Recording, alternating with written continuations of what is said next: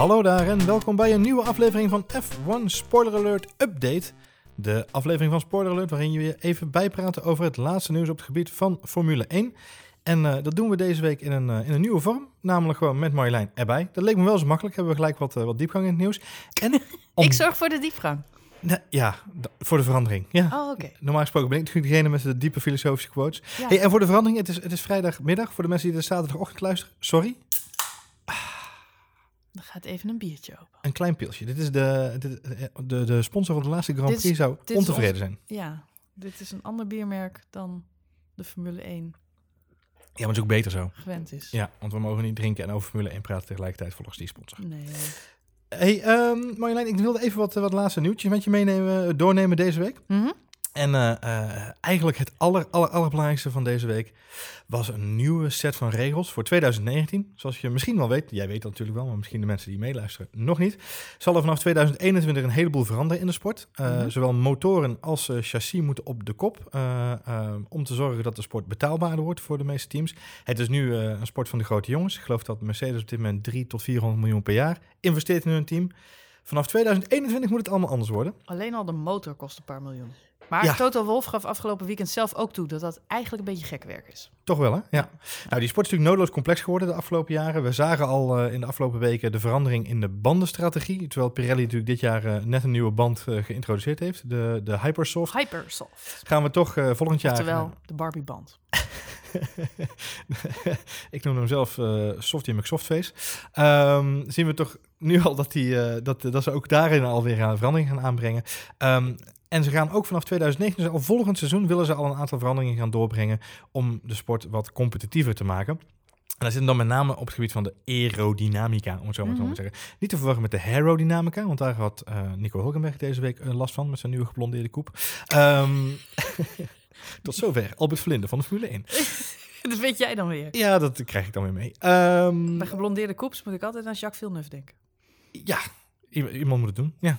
Maar ga vooral verder. Ja, ik heb genoeg van. Ik heb, ik heb heel veel nuf. Um, goed.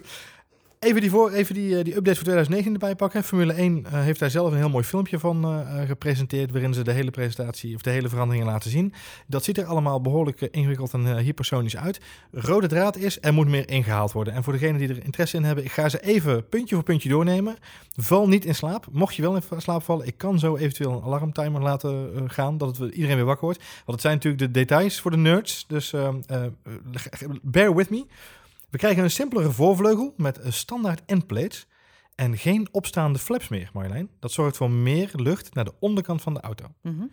Daarnaast gaan de zogenaamde winglets rond de remschijven uh, die uh, ervoor moeten zorgen dat er meer lucht afgevoerd wordt naar de buitenkant van de auto.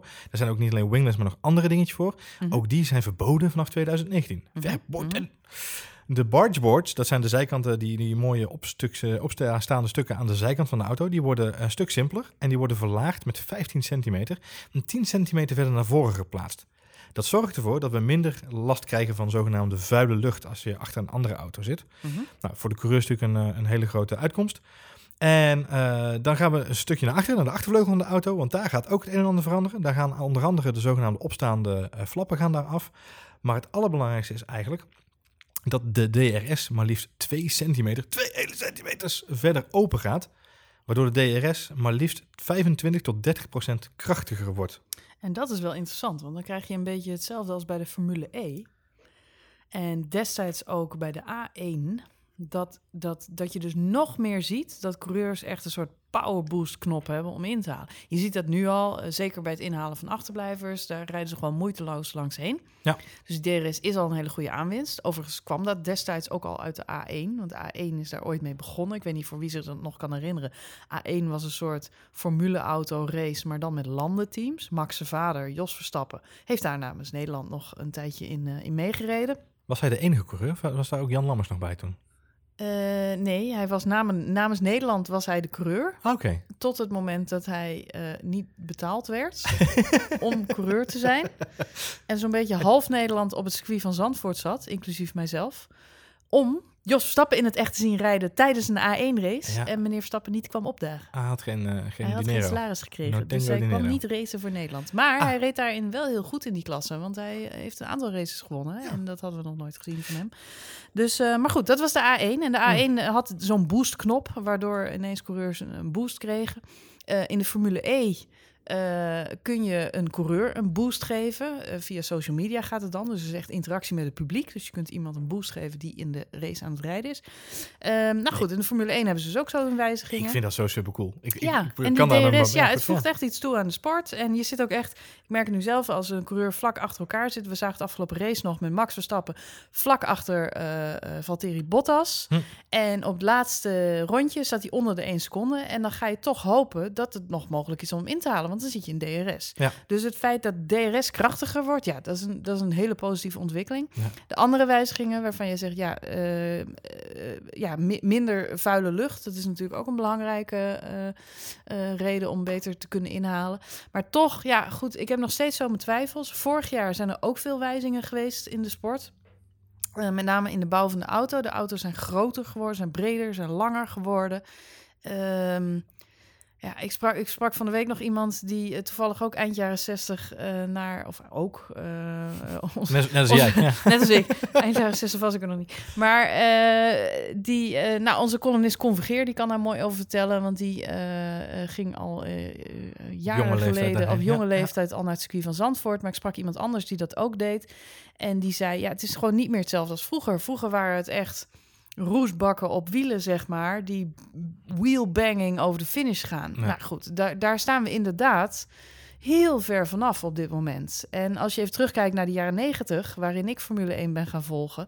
ehm, ja, dan, dan, dan zie je nu bijna supersonische computers rondrijden. En sinds vorig jaar zijn ze gewoon nog een stuk groter, degelijker, zwaarder geworden. Eh, ja, en ik, ik zie wel dat dat het inhalen belemmert. We zien Hm. het ook aan Max. Hij is overgestapt naar Red Bull. Had een aantal fenomenale inhaalraces. Het jaar erop zat hij in de nieuwe auto, die we nu ja, bijna anderhalf seizoen zien rijden. Ja. En er zijn minder, hij, ook hij heeft minder De, sport, de sport in het acties. algemeen heeft te maken met die. Overigens, eh, eh, Op en- Monaco wordt er bijna helemaal niet meer ingehaald.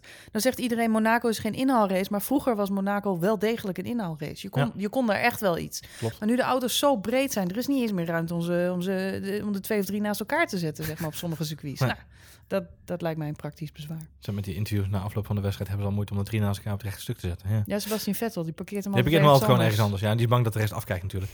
Hey, en en, en waar, waar ik wel bang voor ben, want dat is wel even, eh, die Formule E, eh, die Twitter-koppeling, om het zo maar even te zeggen, die social media boost die je dan hebt. Ik, ik vind het super tof en ik vind het heel innovatief, maar tegelijkertijd, ik wil niet dat Formule 1 het Eurovisie Songfestival van de autosport wordt. Eens. En dat, daar moeten we wel voor zien te waken, denk ik. Eens, en ik zou, dat ook, ik zou daar ook geen voorstander van zijn. Hey, speaking of innovatie, eh, mooi Mhm. bruggetje, want eh, deze week eh, was onze favoriete moppenkont eh, weer in het nieuws. Eh, niet Bernie Ecclestone, niet, Sebastian? eh, niet Sebastian Vettel, maar de nieuwe moppenkont van Formule 1 heet Lewis Hamilton. Ah, natuurlijk heeft hij wat mopperen. We noemen hem ook wel de diva. Ja, Eh, hij staat niet op, meer eh, één in op het de kampioenschap, toch, nu?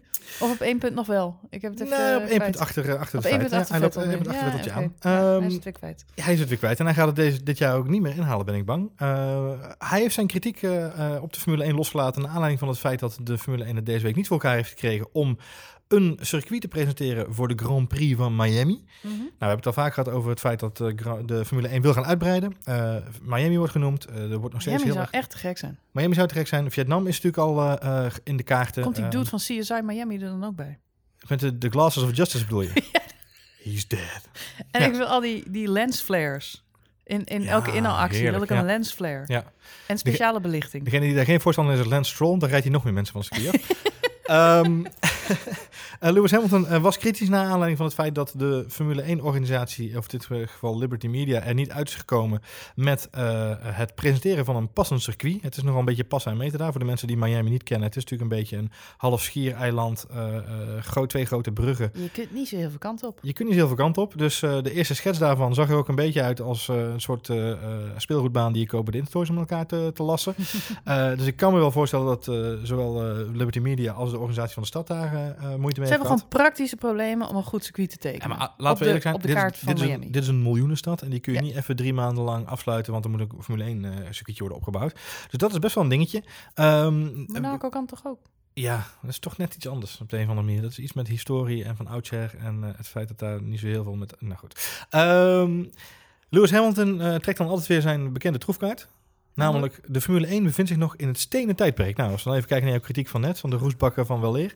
Ja. Eh, volgens Lewis Hamilton rijden we nu nog steeds in het stenen tijdperk. En vergeleken met de NFL en voetbal en alle andere grote sporten, lopen we hopeloos achter de feiten aan. Nou, het is niet de eerste keer dat hij dit zegt. Volgens mij zal het ook niet de laatste keer zijn. Ja, ik, wat moet je daarvan zeggen? Want ik, ik vind dat de sport, ik vind het leuk dat de sport eindelijk innoveert. Ik vind het heel tof om te zien hoe social media op dit moment omarmd wordt. Het is echt een mega verschil met twee jaar geleden toen Bernie Ecclestone nog aan het roer stond. Ehm, dus dat is super tof om te zien. Maar eh, nee, ik, eh, het stenen tijdperk. Af en toe zou ik wel willen dat, dat het nog wat meer dat ouderwetse van vroeger had. Dus ik vind onder andere wel een goede ontwikkeling dat ze op de kosten moeten gaan letten. Want het is van de zotte dat er zoveel miljoenen in de motor worden ge- gestopt. En afgelopen race viel mij ook weer op. Eigenlijk zie je twee Formule 1 races. Je zit race 1 te kijken tussen Ferrari, Red Bull en Mercedes. Ja. En dan heb je race 2, dat is het achterveld. Ja, waar En Renault op dit moment eh, de leiding heeft. Ja. Afgelopen race, top 6, zet de rest van het veld op een rondje. Bijna en- twee, ja. Bijna twee in sommige gevallen, Ja. inderdaad.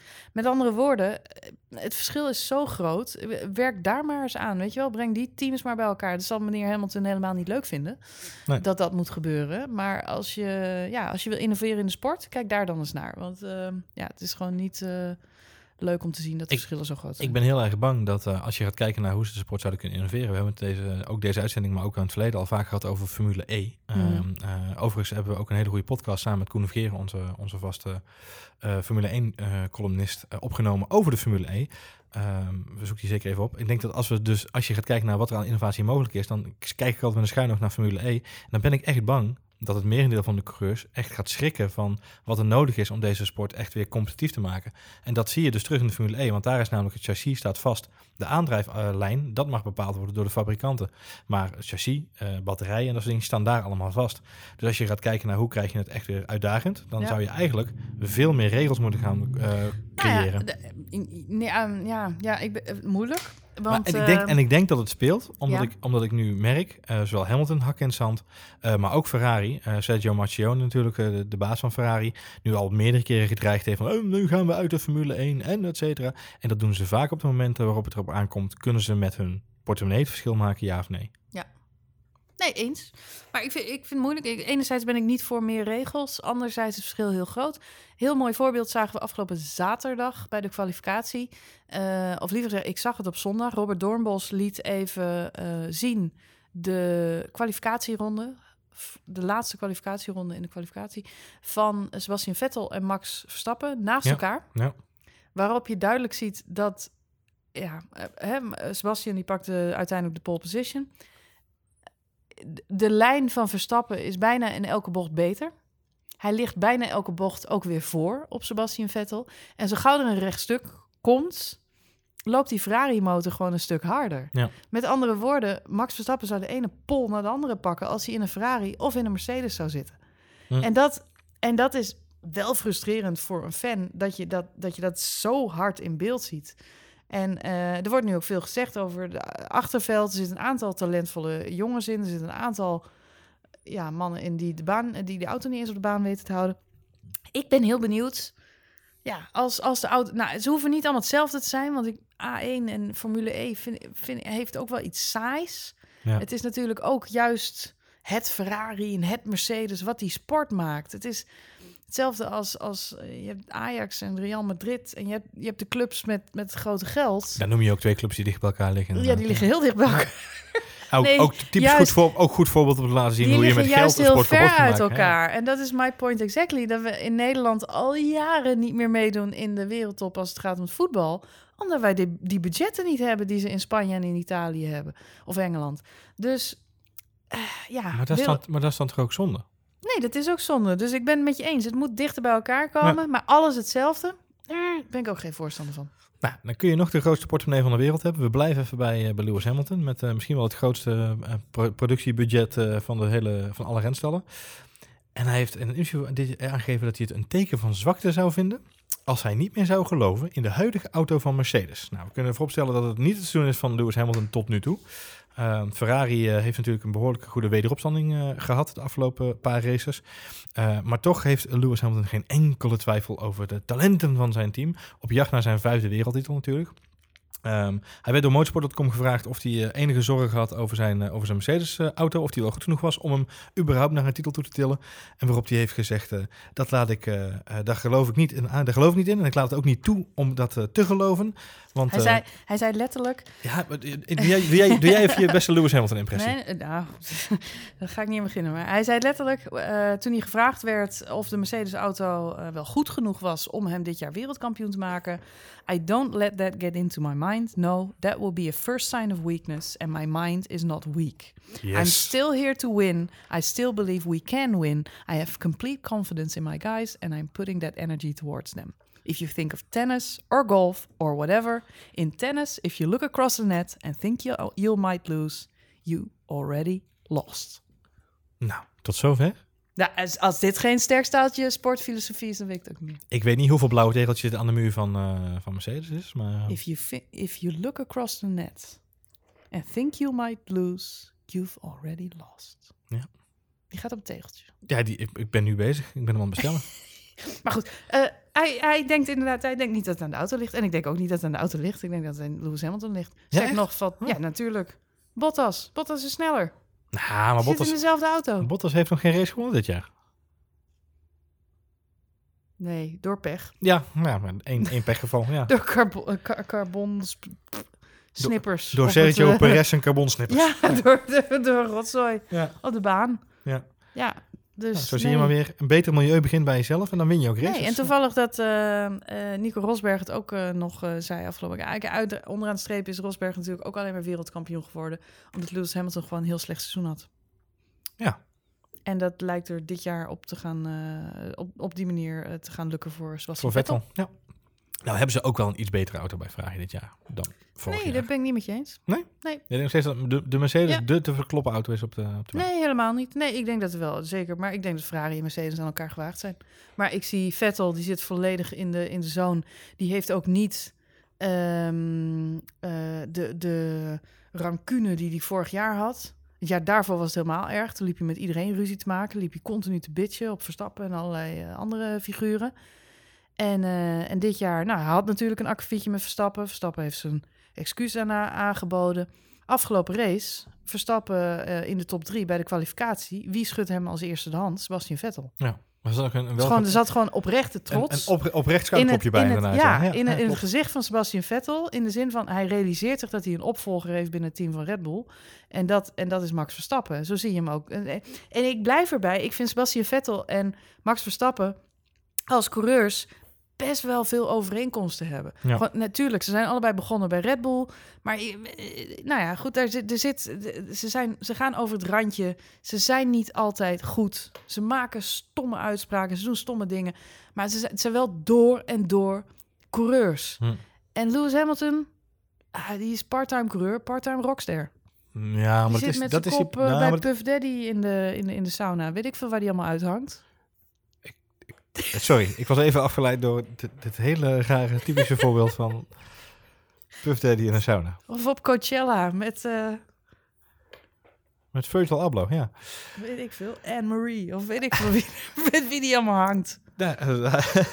Hij hangt ook met... Uh, nou goed. Hey, um, uh, dus jij zegt eigenlijk dat het nog wel degelijk op dit moment een coureurskampioenschap is. Dus het is wel degelijk het verschil tussen Vettel en Hamilton Ja, en echt. de mindset die ze hebben. Ik denk in veel opzichten, eh, in het begin van het seizoen was ik bang voor de herhaling van 2017. En eh, ja, al met al is het toch best een spannend seizoen. Ik had niet verwacht dat Red Bull bijvoorbeeld op Monaco zo prepped zou komen om echt een één of twee of een aantal races dit seizoen specifiek te winnen of naar zich toe te trengen, trekken. Dat maakt nu elke race vind ik een stuk spannender, want je zit toch, oh, ze hebben andere pitstopstrategie. Je ziet ook vaak binnen een team dat Ja. twee coureurs op eh, verschillende strategie staan. Eh, alleen wat ik zeg, je zit naar twee races te kijken. Achterveld, soms vergeet ik het. Als ze niet in beeld zijn, zoals afgelopen race, als de regie ervoor kiest om dat amper uit te zenden, dan doen ze er niet toe. Dan zou je net zo goed een race met zes auto's kunnen uitzenden. Klopt. Wie, wie het niet met jou eens is, want jij noemt het wel degelijk een coureurskampioenschap. Wie het Mhm. niet met jou eens is, is eh, jouw grote vriend en tevens fan van deze show, Fernando Alonso. Fernando. Fernando. Fernando. Fernando is natuurlijk dit weekend druk bezig met de Le Mans. Ehm, eh, daar is hij zo'n 24 uur mee bezig, verwacht ik, na alle eh, kwalificaties en dergelijke. Ehm, hij heeft eh, laten weten dat zijn toekomst in de Formule 1 niet zozeer afhangt van de tweets van Nico Rosberg. Ehm, Ook niet van zijn vlogs. ook niet van zijn vlogs, inderdaad. Nee, ehm, eh, hij laat weten dat zijn toekomst in de Formule 1 niet afhangt van de staat van McLaren als team, maar met name van de staat van Formule 1. Hmm. Hoe bedoelt hij dat? Nou, eh, Fernando Alonso heeft gewoon zijn twijfels bij de manier zoals Formule 1 nu georganiseerd is. Sluit een beetje aan bij eh, de kritiek van Lewis Hamilton, hè, de manier waarop de sport georganiseerd wordt. En hij noemt het in zijn kritiek eigenlijk het belangrijkste wat hij daarin laat weten is. Het, op dit moment is het een constructeurskampioenschap en is het geen coureurskampioenschap. Het gaat niet om de racers, het gaat om de slimme monteurs en de trucjes die je in de garage en de windtunnel kan uithalen. Om te zorgen dat je het perfecte uit de auto haalt. Nou, in zekere zin heeft hij daar een punt. Maar dat sluit ook wel aan bij wat ik net al aangaf over de top 6. Namelijk eh, dat het inderdaad om de strategie draait. En wat interessant is om te zien, is dat de teams het ook niet altijd weten. En eh, laten we wel wezen, we hebben in het verleden races gezien. Ik zei het afgelopen weekend nog tegen jou. Waarbij Michael Schumacher eh, zo'n beetje het hele veld op twee minuten reed. Ja. Saai. Gebeurde dit Echt ook? Ja. doodsaai. En Ja. daartussenin zat zijn teamgenoot eh, Rubens Barrichello of Irvine of wie het ook was. Maar Schumacher was weg. En die reed de hele race in zijn uppie op kop. En zo hebben we meer. Sebastian Vettel heeft zulke races gereden eh, toen hij wereldkampioen werd een aantal keer op rij. Er zijn hele saaie kampioenschappen geweest. Dus ik denk dat de regels die ze hebben ingevoerd om de Formule 1 spannender te maken, wel degelijk effect hebben. Eh, wat, wat we nu net zeggen is winst. De top 6 zit dicht bij elkaar. Ferrari wordt zenuwachtig als, als de Red Bull pitmannetjes naar buiten lopen. Dan gaan ze ineens een coureur naar binnen trekken. Dat, dat, dat was in het verleden ondenkbaar hoor. Hm. Er was niet eens, er was niet eens anticipatie. Je hoort nu de teamradio, hoor je iets zeggen ehm, tegen de ene coureur. De andere coureur krijgt het meteen ook door. Ja. Ricciardo is struggling. Met, met verleden bedoel je dus inderdaad eh, vi- vier jaar geleden, zeg maar. Ja. Ja, nou ja, Ja, de, ja. de- dus het is juist... En ik, ik vind dat dat echt iets toevoegt aan de sport. Want het is niet alleen maar rondjes rijden. Dan heb je inderdaad de A1 of de, of de Formule E. En het is niet voor niks dat die sporten minder bekeken worden dan de Formule 1. En het is wel degelijk een uitdaging om elke sport... Bij het voetbal is er nu ook weer veel discussie over. Dat het WK hebben ze natuurlijk de, eh, de doelpunten... De, de videoscheidsrechter. de videoscheidsrechter nu vast geïntroduceerd. Nou, in Ja. voetbal is het al jarenlang mega moeilijk om innovatie doorheen te krijgen. Eh, dus voor elke sport geldt, hoe zorg je dat je relevant en spannend blijft? Zeker als je de koningsklasse bent. Nou, Ja. dat, is, dat is de Formule 1 van de autosport. Ik vind tot nu toe dat de regels best wel goed uitpakken. Het enige wat ze kunnen verbeteren is hoe mengen ze die- echt die topteams, die drie topteams, met de rest van het veld. Want ik vind eigenlijk dat Fernando Alonso plekje bij de top verdient. Ja, en maar dat, dat, zou de races leuker maken. ja, maar hij zegt dus inderdaad wel terecht dat op het, dit moment het dus niet uitmaakt eh, welke. Het zou niet mogen uitmaken in welke auto je zit. Het gaat om de strijd tussen de coureurs. En daar gaat het nu niet meer om. Het gaat inderdaad, en dat is wat hij ook zegt, het gaat om die financial fair play. Het gaat om hoeveel je kunt investeren in een auto en hoeveel technologische voorsprong je kunt opbouwen. Ja. Nou, daar ben ik wel met hem eens. Ik kan me daar wel in vinden. Ehm, klein bruggetje naar een, eh, naar een, naar een andere oudgediende. eh, die deze week niet de malse kritiek kreeg van niemand minder dan Martin Brundle.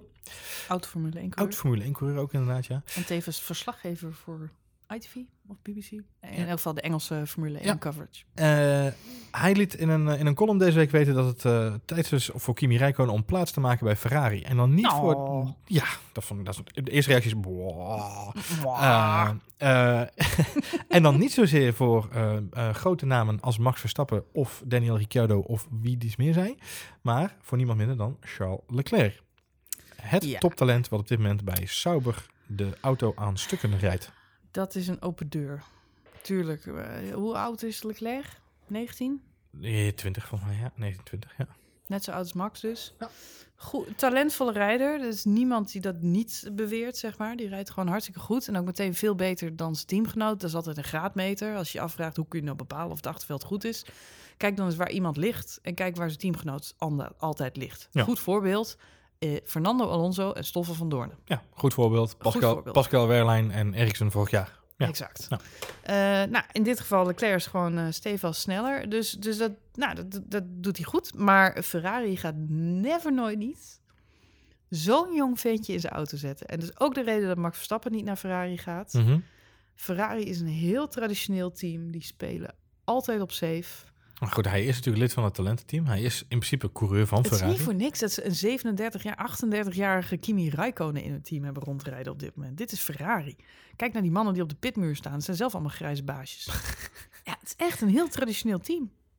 Dus jij denkt dat dus een, een, talent uit een eigen renstal, die gewoon aan, in de data te zien is, waarvan de data is, deze jongen, als je hem in de auto zet, gaat hij gaat hij presteren. Dat doen ze niet ter faveur van het feit dat ze een, een, een goede coureur... Niet bij Ferrari. Oké. Dus de situatie Ricciardo Wel Verstappen... bij Red Bull. Ja, precies. Dus, Daarom is het zo leuk dat Max bij Red Bull zit. ja, ja. Tuurlijk, we willen allemaal dat hij naar, in de beste auto zit. Want we willen allemaal dat hij wereldkampioen wordt. En dat hij heel veel races wint. Dat is onze diepste wens als Nederlander. Maar aan de andere kant is Red Bull in heel veel opzichten gewoon het leukste team. Ja. Niet alleen krijgen wij er de leukste filmpjes, de leukste tweets, de leukste Facebookberichten, YouTube, weet ik veel wat ze allemaal maken. Het is gewoon qua me- Bij Ferrari, heb je bij Ferrari wel eens... Ja, we hebben een hele leuke kerstkaart ooit gezien met Kimi Räikkönen. Die gebruik ik nog steeds regelmatig als schriftje op eh, Twitter als ik de Formule 1 zit te kijken. Ja. Zoek het vooral eens op.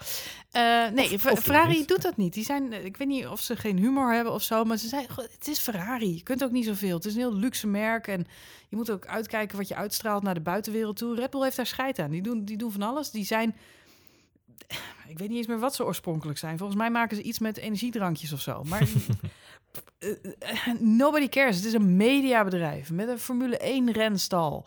En, en, en dat is hoe ze, hoe ze opereren. En dat, dat blijft gewoon fascinerend om te zien. Ja. En eh, daarnaast nemen ze risico.